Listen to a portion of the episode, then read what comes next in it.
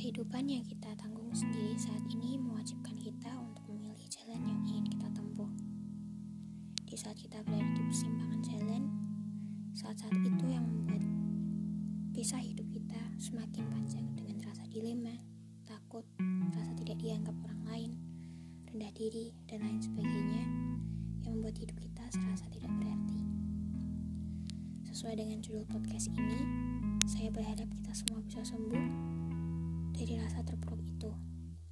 Sembuh secara mental dan fisik, supaya suatu saat nanti, saat kita melihat ke belakang sejenak, kita bisa berterima kasih terhadap rasa itu dan diri sendiri karena telah berhasil melaluinya.